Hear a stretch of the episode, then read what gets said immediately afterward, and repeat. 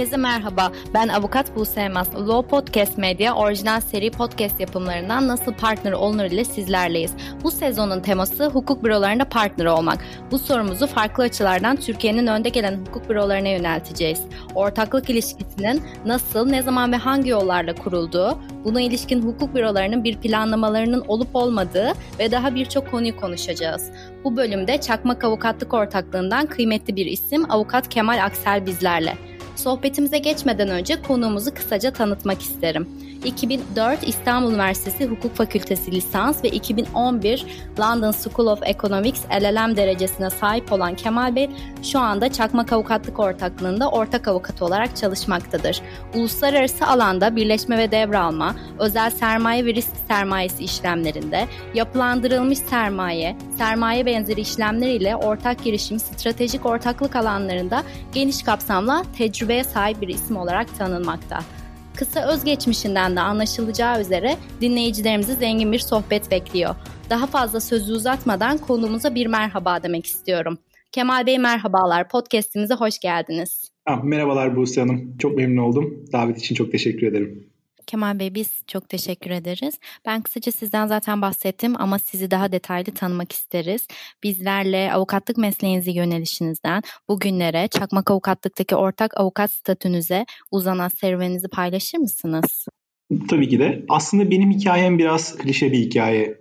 Belki herkesin benzer hikayesi vardır ama benim ilk 99-2000 senesinde üniversite sınavı hazırlık döneminde hukuk okumaya karar verdim. Biraz şans, biraz öngörülü davrandım diyebilirim. Özellikle o zaman hukuk bölümü eşit ağırlıklı yeni geçmişti ya da bir, bir sene önce mi geçmişti tam hatırlamıyorum. Ve özellikle İngilizcenin biraz daha yoğun olarak öğretildiği işte kolejler olsun, Anadolu Lisesi gibi okullardan öğrencilerin işletme, uluslararası ilişkiler seçtiği dönemde ben daha az yürünen bir yolu seçtim. Benim dönemimde herhalde biz hukuk fakültesini seçen 3-4 kişiden biriydik. O zamanki zaman düşündüğünüzde çok az sayıda bir rakam aslında. İlk İstanbul Üniversitesi'ne başladığımızda açıkçası hani şu andaki öğrencilerin sahip olduğu bilince sahip değildim yani bunu çok açık bir şekilde söyleyebilirim.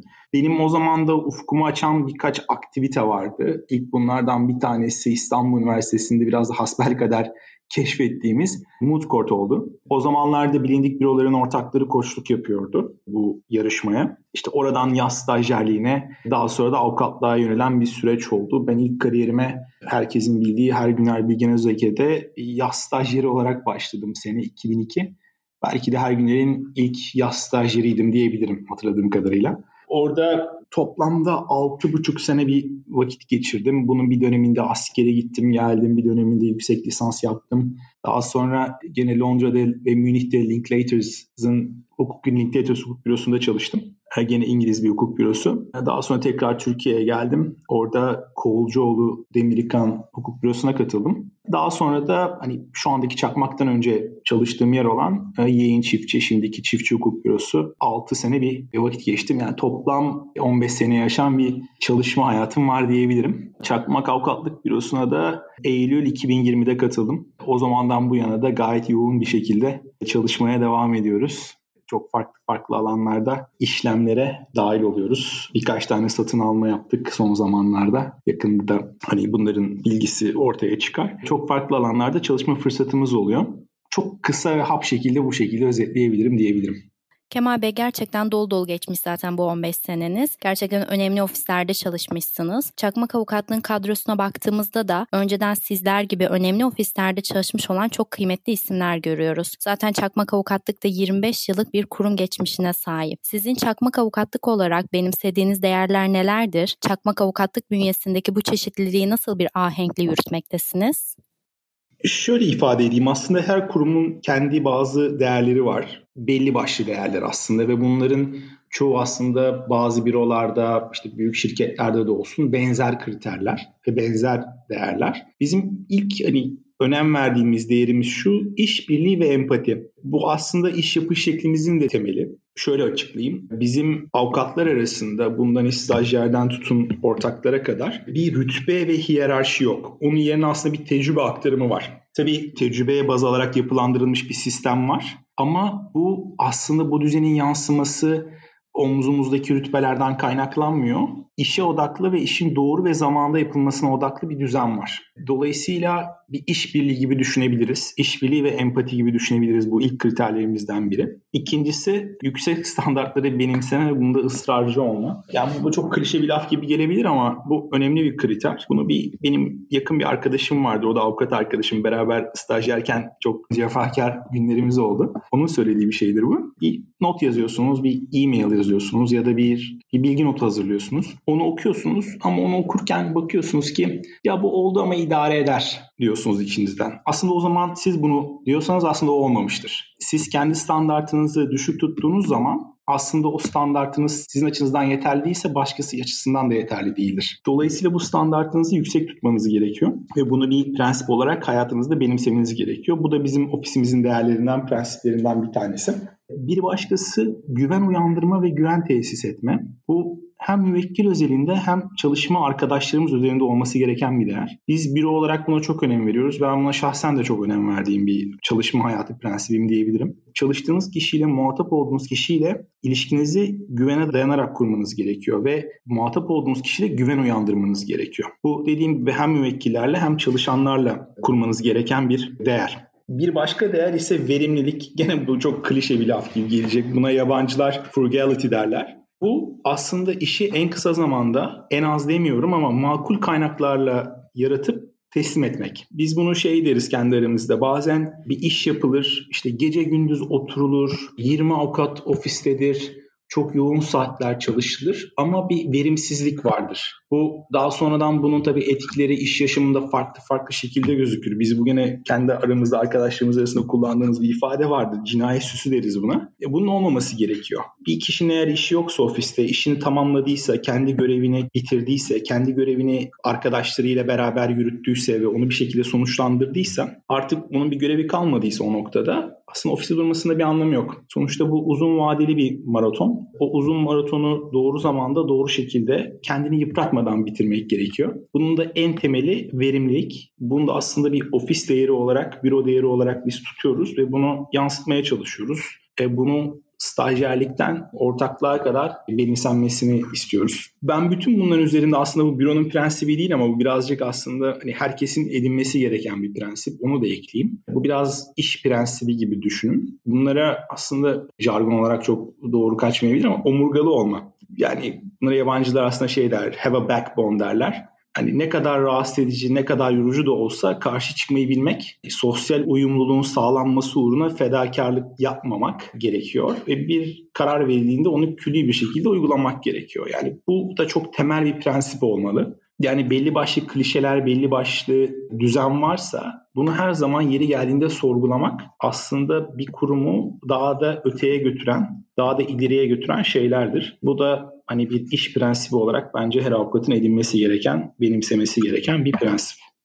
Kemal Bey çok güzel noktalara değindiniz. Bahsettiğiniz değerler aslında her kurumun benimsemeye çalıştığı değerler. Ancak sadece bu değerleri gerçekten benimsemeyi başaran ve icraate de dökebilen kurumların başarıya ulaştığını görüyoruz. Çakmak Avukatlık da bu konuda güzel bir örnek teşkil ediyor bizlere. İsterseniz şu konuya değinelim. İşe alım sürecinden ortaklığa uzanan kısım oldukça uzun bir yol tabii ki. İşe alım süreçlerinde bazı kriterlerin önem arz ettiğini biliyoruz. Örneğin akademik başarı, dil becerileri. Peki sizin ekibinizde çalışacak kişilerde aradığınız özellikler, olmazsa olmaz dediğiniz kriterler var mı? Buna ek olarak şunu da öğrenmek isteriz. Çakmak avukatlık olarak işe alım süreçlerini nasıl yürütüyorsunuz? Dışarıdan bir destek alıyor musunuz? Şöyle açıklayayım. Bizim zamanımızdan bu yana çok değişti kurallar ve düzen. Şimdi çok fazla rekabet var. Bizim zamanımızda sırf İngilizce bilmek, dil bilmek bu bir kriterdi ve onu sağlarsanız o zamanın büyük ölçekli bürolarında iş gücü arzı az olduğu için bir yer edinmeniz nispeten kolaydı demeyeyim ama daha az çetrefilli bir süreçti. Daha az basamaktan geçiyordunuz. Şimdi tabii çok daha fazla rekabet var. Çok fazla daha başvuru var. Hukuk fakültesi sayısı çok fazla arttı. Ve bunun da ötesinde hani bilgiye erişim çok fazla ve hani ilk konuşmanın da başında bahsettiğim gibi bilinç çok fazla öğrencilerde biz hiçbirimiz bu kadar bilinçli değildik. Yani bizi çok elimizden tutan insan olmadı. Bu şekilde podcastler yoktu, LinkedIn yoktu, takip edebileceğimiz mecra çok azdı. Şimdi çok fazla bir farkındalık var. Tabii o farkındalık arttıkça rekabet artıyor. O rekabet arttıkça başvuru sayısı artıyor. Bürolar daha fazla seçici olmaya çalışıyor gibi gibi bunun bir sürü yansıması var. Gitgide başvuru tarihleri daha erkene çekilmeye başlanıyor vesaire vesaire. Bir sürü bunun yansımasını görüyoruz bu işe alım süreçlerinde özellikle stajyer seçimlerinde. Buna aslında iki yönlü bakmak gerekiyor. Hani ne gibi kriterler arıyorsunuz ha? Bunların aslında bir tanesi maddi ölçülebilir kriterler. Bunlar aslında çok makul. Hani herkesin aradığı yabancı dil. Burada aslında yabancı dilden kastedilen de aslında İngilizcedir. Ve hani iyi bir not ortalaması. Bunlar maddi ölçülebilir kriterler.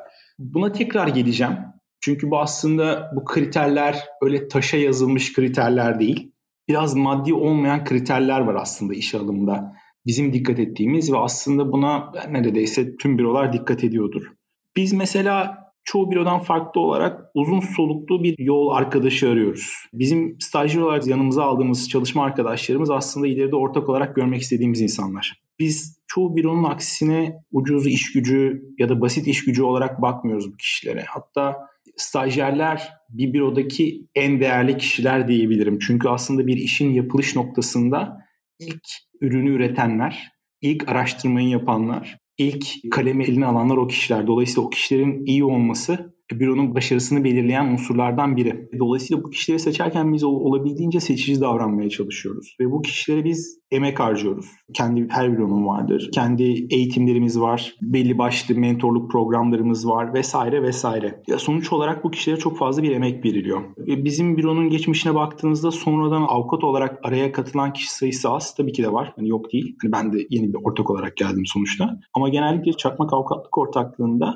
içeriden yetişme prensibi var. Bunda yansıması olarak ilk söylediğim gibi aslında stajyer seçiminde bir, bir yoldaş arıyoruz. Dolayısıyla hani alalım 10 tane stajyer, 8'i daha sonra bizde çalışmasın, 2 kişiyle devam edelim ya da 5 kişiyle devam edelim gibi sistematik yok bizde. İlk baktığımız şeylerden biri bu süreçte aslında kişinin ofis dokusuna uyumuna bakıyoruz. Burada aslında şunu söyleyeyim, hani aradığımızı değil de aramadığımız bazı kriterler var, onu size söyleyeyim. Biz agresiflik, hırs ve hani başka bir ifadeyle mesnetsiz özgüven aramıyoruz. Özellikle bunu tespit ettiğimiz zaman bu kişiyi eliyoruz diyebilirim. Bu kriterlere sahip bir kişi varsa bizim ofisin dokusuna uymayacağını düşünüyoruz. Bu önemli bir kriter bizim için. Bir başka kriter aslında özveri. Yani bu işi sahiplenme. Tabi burada şöyle bir anlayış olmasın. Bize hayatını vakfetsin. Sonsuza kadar bizde çalışsın. Sabah akşam ofisten çıkmasın bütün hayatı büro olsun. Böyle bir anlayış değil. Aslında burada işini ciddiye almayı kastediyoruz. Yani o kişide özveri var mı? İşini ciddiye alma yatkınlığı var mı? Bunu tespit etmeye çalışıyoruz. Hukuk bilgisi önemli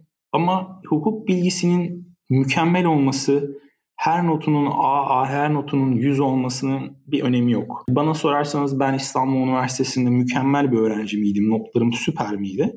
Değildi. Ama Hani belli başlı nosyonun olması önemli. Bunu söyleyebilirim. Bir başka kriter aslında merak. Bunu bazıları gene böyle bir insan kaynakları jargonu olan proaktivite derler ama ben o ifadeyi sevmiyorum. Aslında buradaki hani aranan şey aslında o kişinin meraklı olması. Acaba böyle mi? Bunu neden yapıyoruz? Peki böyle yaparsak ne olur? Gibi soruları sorabilme yetisi. Diğer bir ifadeyle sorgulama yetisini arıyoruz aslında biz bu kişide. Bir merak arıyoruz. Diğer bir kalem unsur aradığımız ticari farkındalık ve perspektif. Bu aslında çok eksik olan bir şey. Bazen çok kıdemli avukat oluyor bazı kişiler ya da ortak oluyorlar. Bu farkındalık olmuyor. Biz aslında avukatız. Avukat olmanın yanında hukukçuyuz. Artı onun yanında müvekkilimizin yaptığı işi bilmemiz gerekiyor ki doğru şekilde onlara tavsiye verebilirim. O doğru şekilde onları yönlendirebilirim. Dolayısıyla bir ticari farkındalık olması çok önemli bir şey. Burada biraz açayım bunu isterseniz. Ne işler yapılıyor? Biz biri olarak ne iş yapıyoruz? Şu andaki gündemde Türkiye'de ne var? Dünyada neler oluyor? Hem ticari olarak hem ekonomik olarak hem yeri geldiğinde politik olarak neler oluyor ne bildiğini bilmesi gerekiyor. Yani aslında biraz bir farkındalık olması gerekiyor. Bunun sonucunu bağladığınızda aslında şöyle bir şey çıkıyor ortaya. Biz bunlar eskiler buna şey der. İyi kumaş insan. Biz iyi kumaş insan arıyoruz. Bu aslında bir paket. Geriye dönüyorum maddi kriterlere. Maddi ölçülebilir kriterler diyeyim daha doğrusu. Tabii çok başvuru var. Binlerce başvuru oluyor. İstanbul, Ankara, Türkiye'nin birçok yerinden biz Çakmak Avukatlık Ortaklığı olarak başvuru oluyoruz. Bahsettiğim maddi ölçülebilir kriterler bir kriter. Ama bu kriterlerin sağlanamaması bizde çalışamazsınız manasına gelmiyor.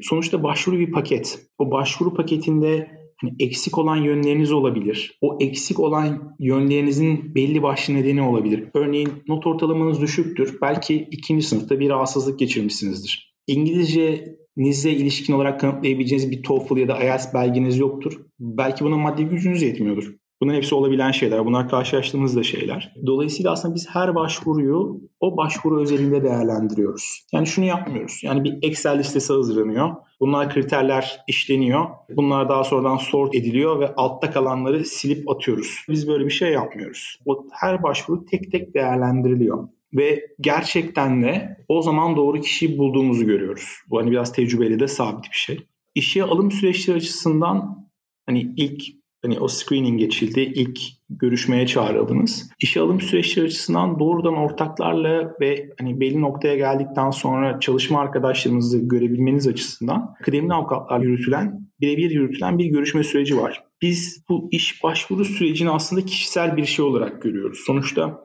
başvuran kişi belli bir zaman ayırıyor, belli bir emek sarf ediyor ve o bir başvuru dokümanını hazırlıyor. Bir CV'sini hazırlıyor, bir rezümesini hazırlıyor, ön mektup hazırlıyor. Dolayısıyla siz de o kişiye saygı göstererek vakit ayırmalısınız. Onu incelemelisiniz, onu sorgulamalısınız ve ona bir görüşmeyle vakit ayırmalısınız. Biz bunu birazcık daha nasıl diyeyim daha çok görüşme bazlı, daha çok interview bazlı hatta birkaç kere yapıyoruz bunu. ilerletiyoruz. Piyasada bir sürü bunu uygulayan farklı yöntemleri uygulayanlar var. İşte assessment center deniyor. Herkes bir araya toplanıyor, sınavlar yapılıyor, farklı farklı görüşmeler yapılıyor, case study'ler yapılıyor.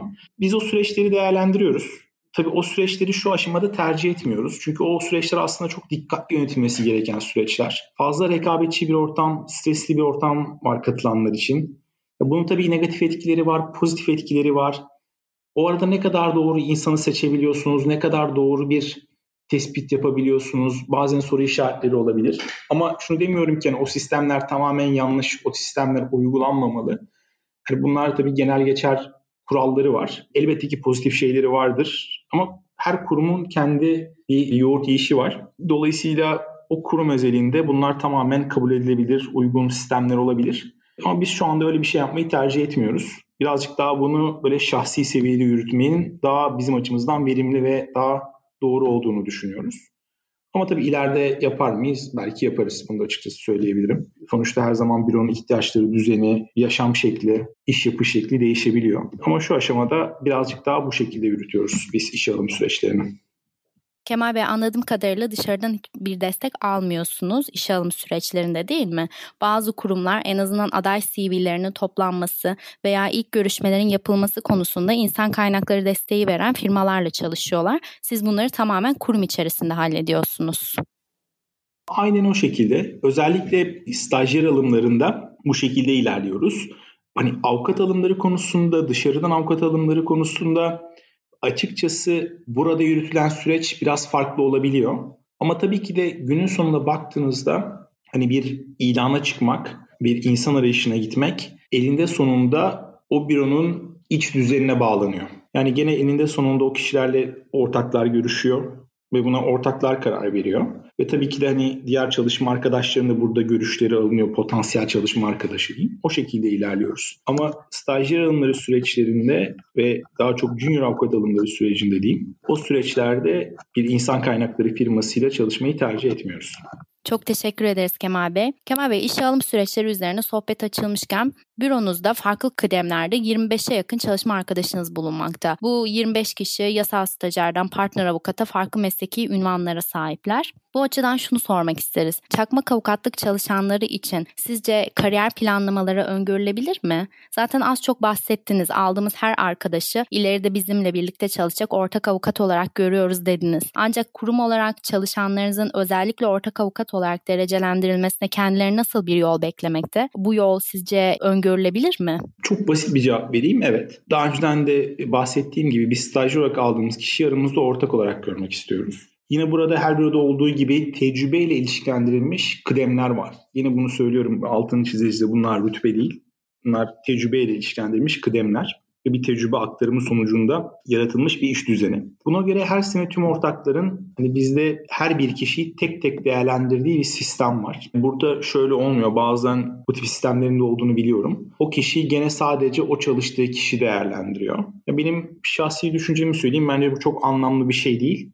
Zaten birebir çalıştığı ortak o kişiye o anda feedback vermeli. O anda geri bildirimde bulunmalı. Bunun için bir sene beklememeli. Eğer senelik yapılıyorsa bu değerlendirme. Bu aslında devam eden bir geri bildirim olması gerekiyor bu tip yapılarda. Özellikle birebir çalıştığı insanla. Ama bizdeki hani sene sonu değerlendirmeleri her bir ortağın katılımıyla yapılıyor. Tabii bu avukatların ilerlemesinde kıdem atlamasında diyeyim daha doğrusu yine aynı ifadeyi kullanacağım. Birçok kriter var. Bunlardan hepsi herkesin malumu olduğu işte yabancı jargon kullanacağım. İşte billable hour utilization kriteri var. Ofise katkı kriteri var. İdari işlerden tutun büro içi ilim makale yazılımı, iş gelişimine kadar geniş bir kriter listesi var. Tabii burada şunu altını çizmek istiyorum. Bu bazı bürolarda olan bir sistem. Belli başlı işte utilization'ı billable saati tutturamadığınız zaman kıdem alamazsınız gibi sistemler var. Bizde açıkçası öyle bir sistem yok. Bu bir hedef aslında. Hedef saati tutturursam kıdem alırım, tutturamazsam kıdem alamam gibi bir hani iş, ruh anlayışıyla iş yapmak bence doğru bir anlayış değil. Dolayısıyla o hedefin altında kalındığında kıdem de alabilirsin bizim büromuzda. Üstüne çıktığında kıdem de alamayabilirsin. Burada hedef ve amaç sağlanması gereken kriter e, büroya katkının ne olduğunu belirlenmesi. Dolayısıyla bu bir gene söylüyorum bir paket. Yani o kişi yaptığı işlerde gösterdiği özveri, o işi yapış şekli, o işi sahiplenişi, o işi sonuçlandırması önemliyse ve bunun ofise çok büyük bir katkısı olduysa ama onun dediğim gibi utilization'ı düşükse o kişi gene kıdem alabilir. Yine aynı şekilde o kişi onun çok fazla idari işi oluyor. İdari işlerdeki katkısı çok fazlaysa bunun onun kıdemine bir katkısı olabilir. Ben dediğim gibi tek bir kriter yok. Birden fazla kriter var ve o bütün o kriterler tek tek çok farklı kanallarda her ortağın katılımıyla değerlendiriliyor. Stajyerlere özel aslında bir ara dönem değerlendirmemiz var. Yasal stajyerlere özel. 6 ayın sonunda bir değerlendirmemiz oluyor o kişiyle. Bu 6 aylık dönemde eksileri, artıları, kendisini geliştirmesi gereken yönleri kendisine iletiyoruz. Ve yine kendisine bir plan çiziyoruz. Dolayısıyla hani o bir sene beklenmiyor. Kişi ilk 6 ayı geçtikten sonra hani böyle bir mini bir değerlendirmeye tabi oluyor ve ona bir geri bildirim yapılıyor. Daha bir formal bir şekilde. Bizde çoğu bürodan farklı olarak aslında avukatların ve stajyerlerin ortakları değerlendirdiği bir sistem de var. Bu tamamen isimsiz olarak yapılan ve kıdemli avukatların ve ortakların daha işe yeni başlayan meslektaşlar tarafından değerlendirildiği bir anket sistemi mi diyeyim aslında bir survey var. Orada o kişiler hakkında geri bildirim alıyoruz. Sonuçta herkesin eksikliği var. Herkesin kendisini geliştirmesi gereken yönleri var. Yani ortak oldunuz diye her şeyi mükemmel yapıyorsunuz diye de bir şey yok elbette kendinizi geliştirmeniz gereken yönler olabilir. Farklı farklı beklentiler olabilir insanların. Onları karşılamanız gerekir. Bu şekilde bir geri tersine dönük bir geri bildirim sistemimiz de var. Gayet hani isimsiz bir şekilde yürütülüyor. Yani çok böyle ana hatlarıyla özetlemek gerekirse birazcık bu şekilde ilerliyor diyebilirim. Kemal Bey mesleki olarak yükselmenin mümkün olduğu bir yerde elbette rekabet kaçınılmaz bir faktör olsa gerek. Bazı araştırmalara göre bu kurum içi rekabetin kişinin kendini geliştirmesinde, kurumsal hedeflerin gerçekleştirilmesinde ve belirli değerler ölçüsünde aslında verimliliği artıran bir unsur olarak görüldüğü saptanmış. Sizin bu konudaki düşünceleriniz ne? Sizin kurum içerisindeki rekabete bakış açınız ne? Hukuk büroları çalışanları performansları nasıl takip edebilir sizce? Siz çakmak avukatlık olarak hangi performans takibi ve geri dönüşler açısından uyguladığınız sistemler nelerdir? Şöyle diyeyim, hani söylediğiniz bir ifade vardı. Kurum içi rekabet verimliliği arttırır. Ben buna çok katılmıyorum. Benim farklı bir düşüncem var bu konuda. Ben birçok sistem gördüm. Hani yurt dışında global hukuk bürolarının sistemlerinden tutun, lokal büroların uyguladığı sistemlere kadar birçok sistem gördüm. Bu sistemlere maruz kaldım. Bu sistemleri uyguladım da. Hatta zamanda kendim de birkaç tane sistem yarattım şunu söyleyebilirim. Özellikle bu performans değerlendirme sistemi, işte yine yabancı ifade kullanacağım bu utilization billable, saf olarak uygulandığında doğru bir sistem değil. Hatta hani yabancı hukuk büroları bunları hani globalde sorguluyor artık. Farklı farklı yöntemler geliştirmeye çalışıyor ve elinde sonunda aslında gene o dediğimiz o kişisel unsura bakıyor olay. Ona değiniyor bu olay. Dolayısıyla bunu böyle mükemmel bir metreye oturtmak, formülize etmek ve bunu formülize ettikten sonra hani monitör etmek imkansız gibi bir şey. Ve bunu böyle spesifik kriterlere bağladığınız zaman, ölçeklendirilmiş metriklere bağladığınız zaman bu doğru bir rekabet yaratmıyor. Doğru bir rekabet yaratmadığı noktada büronun ahengini bozuyor. Büronun dokusunu bozuyor. Ve insanların temel odağını saptırıyor. Yani şöyle ifade edeyim. Eğer bir çalışan grubu, bir avukat grubu sürekli ben şu işlerde çalışıyorum, benim şu kadar utilization'ım var, ben bu kadar işte billable saatim var diye birbirini karşılaştırdığı noktada aslında o karşılaştırma tamamen rekabet değil hırsı doğuruyor. O hırs da aslında büronun dokusunu bozuyor. Bunun çok örnekleri var. Bunlar hep olan şeyler. Dolayısıyla çok doğru bir rekabet yaratmıyor. Tabii hani şöyle ifade edeyim hani bizde bu sistem var mı? Var. Kişilerin utilization'ı, billable'ı takip ediliyor mu? Tabii ki de takip ediliyor. Bu bir kriter. Ama saf tek başına uygulanan bir kriter değil bahsettiğim gibi. Yani burada aslında üç tane temel unsur var aslında bir kişinin performansının değerlendirilmesinde. Aslında bu o kişinin ortaklığa giden yolunda da döşediği taşların temelini oluşturuyor. O kişi işini kendi işi gibi sahipleniyor mu? Ve kişinin bunu sorması gerekiyor kendine. Ben işimi kendi işim gibi sahipleniyor muyum? Büronun büyümesine, idari işlere katkı sağlayarak örnek bu da dahil katkıda bulunuyor muyum? Kendi network'ümü, kendi iş vakamı aslında business case'imi yaratıyor muyum? Kişinin kendine bunları sorması gerekiyor. Eğer bu konularda bir çabası, bu konularda bir katkısı oluyorsa aslında kişi performans kriterlerini karşılamıştır demektir. Yani sırf o belli başlı rakamları tutturması, o rakamları tutturdu diye kıdem alması, kriterleri yakaladı diye ortak olması bir kişinin çok adil bir şey değil. Bunun başka unsurları da olması gerekiyor ve unsurları biz hani büro olarak takip ediyoruz. Gene aslında burada şeye dönüyorum. İşe alım kriterlerimiz var ya aslında onların bir yansıması bunların hepsi. Bunların olması gerekiyor. Hani bu performans kriterlerinden tabii ki de hani büro başarılı olduğu sürece hani tabii ki de prim sistemleri var bunların uygulanması var. Bunlar belli başlı kriterlerle uygulanıyor. Belli başlı prosedürlerle karar veriliyor. Bunların hepsi var. Ama işin özü o kişinin büroya katkıda bulunması ve bunu yaparken kendine de katkıda bulunması. Bu şekilde özetleyebilirim. Kemal Bey siz de yakın zamanda Çakmak Avukatlığa katıldınız diye biliyorum. Daha öncesinde de başta da belirttiğiniz gibi uluslararası bilinirliği olan bir büroda danışma olarak çalışmaktaydınız. Birçok avukat için kurumsal bir büroda ortak avukat olmak, bu ünvana sahip olmak hem ücret hem de mesleki gelişim açısından tatmin sağlamakta ve açıkçası yeni mezun bir avukattan kıdemli avukata kadar farklı pozisyonlardaki herkesin aslında hedefi, hayalini oluşturmakta. Sizlere sorarsak Çakmak Avukatlık'ta partner olmak sizin için neleri ifade ediyor? Tabii ki bu soruyu ortak avukatın yetki, sorumlulukları ve tabii ki kazanımları bağlamında bizimle paylaşırsanız çok seviniriz. Şöyle ifade edeyim sorunun ilk kısmından başlayarak. Hani bu danışman aslında yine yabancı jargon kullanacağım. Council. Başka uluslararası bürolarda local partner diye de geçer. E, yerel ortak diye de geçer. Denk bir ünvandı.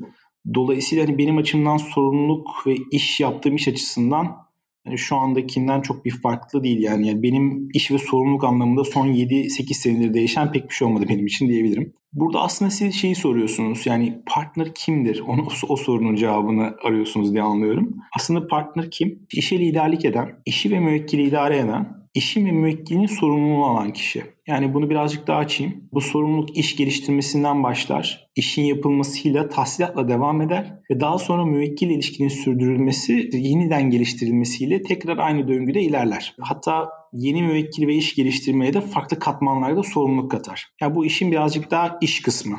Tabii bu işin bir de idari kısmı var. Sonuçta büro bir iş yeri. Çok farklı iş kalemleri var diyeyim. Bu insan kaynaklarından IT'ye, satın almadan iş geliştirmeye, hukuki yayınlara kadar çok geniş yelpazede idari iş var. Bunların da sorumluluğu ayrı. Ortaklar arasında bu sorumluluk da paylaşılıyor. Ortak olmak çok kolay bir şey değil. Bence herkese göre de bir şey değil. Biraz tercih meselesi. Eğer bu yola girecekseniz ve bu sorumluluğu alacaksınız, bu dediğim sorumluluk çok farklı bir sorumluluk. Bunu tercih edebilirsiniz. Ama bazı kişiler bunu tercih etmiyor.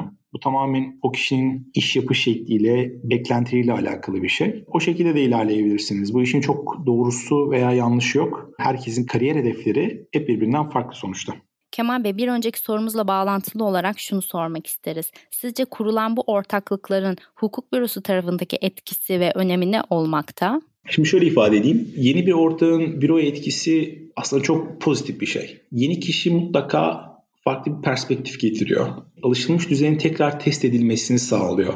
Düşünülmeyen şeyler düşünülmeye başlıyor. Yani birazcık aslında olumlu bir yıkıcı etkisi oluyor. Öyle ifade edebilirim. Ama bu olumlu bir şey. Elbette iş yoğunluğuna katkısı var. Farklı bir tecrübe getiriyor. Farklı bir müvekkil yelpazesi sunabiliyor. Farklı bir bakış açısı getirebiliyor. Mevcutu arttırıyor. Öte yandan farklı konularda örneğin idare işlerde destek sağlayabiliyor. Özetle negatif bir etkisi kesinlikle olmuyor. Zaten yeni bir ortağın gelmesi büyümenin, ileriye gitmenin bir göstergesidir. Bu da her zaman pozitif bir şeydir. Bu hem dışarıdan bir ortak gelmesi hem içeriden kıdemli bir avukatın ortak olarak katılması bunların hepsi o büronun ileriye gittiğini, o büronun geliştiğinin bir göstergesidir. Çünkü bu temelde o büronun aslında o iş özelinde ve o iş kolu özelinde başarısını da göstermektedir. Bu şekilde böyle kısaca anlatabilirim. Kemal Bey bu konuya ilişkin olarak şunu değinmek isterim. Ortaklıkların kurulması sizlerin de belirttiği gibi gerçekten önemli, verimi arttıran ve güzel bir durum ama bir taraftan da sektörümüzde bu ortaklık ilişkilerinin çok kısa süreli olduğunu görüyoruz. Pek çok örnek var. Çok kısa sürede ortaklıkların dağıldığını, yeni ortaklıklar kurulduğunu ama onların da sürdürülebilir olmadığını pek çok örnekte görüyoruz sektörümüzden. Bu bağlamda sizin de mesleki deneyimleriniz doğrultusunda bu konudaki yorumlarınızı merak ediyoruz aslında. Sizce bir hukuk bürosunun bu ortaklıkları sürdürülebilir kılmasındaki en önemli faktörler nelerdir?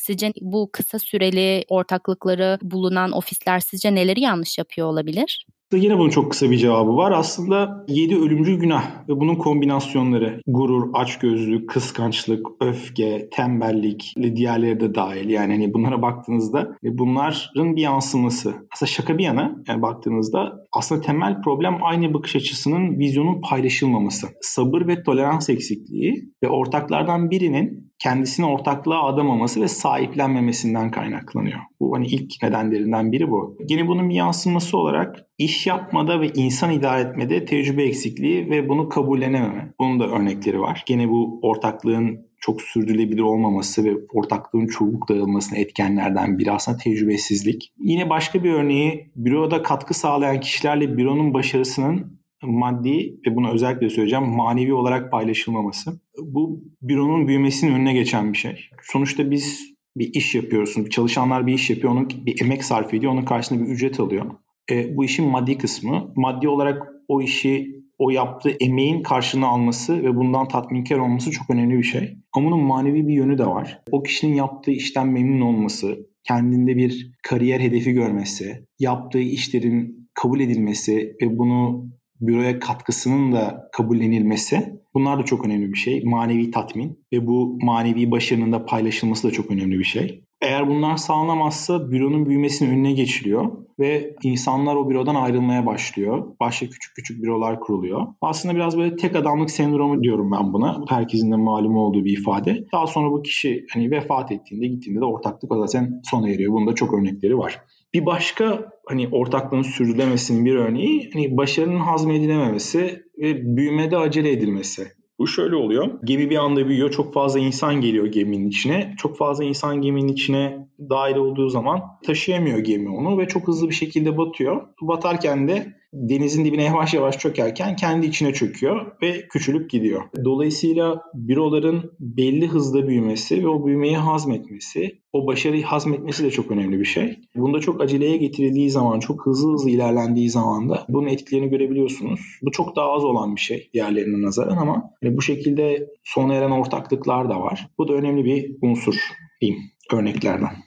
Kemal Bey sohbetimizin sonuna gelirken tüm konuklarımıza yönelttiğimiz ortak sorularımızdan birini size de yöneltmek istiyoruz. Aslında diğer sorularımızda ara ara değindiniz. Bir özet niteliğinde olacak aslında bu sorumuzda. Eğer bir çalışan kabul alıp büyük ölçekli bir hukuk bürosuna ilk gün gelirse oradaki bu yeni yolculuğuna çıkıp sonunda ortak olabilmeleri için onlara neler tavsiye edersiniz? Özellikle bu yeni mezun arkadaşlar için e, çok kıymetli olacak ve çok merak ettikleri ne düşünüyorum cevabınızı. 3-4 tane şey var aslında. Yani bunu belki birkaç kere hani konuşmamda da yineledim. Yaptığı işi sahiplenmeleri bu ilk kriterlerden biri. İş geliştirmenin temel taşı olan iş çevresini oluşturmalarını yani bir network oluşturmalarını.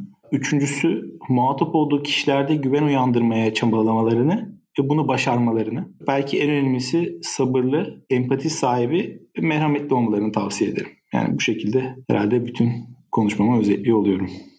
Kemal Bey bugün bizlerle olduğunuz için ve bu değerli paylaşımlarınızı bizlerle yaptığınız için çok teşekkür ederiz. Gerçekten çok kıymetli noktalara değindiniz. Çok teşekkür ederiz.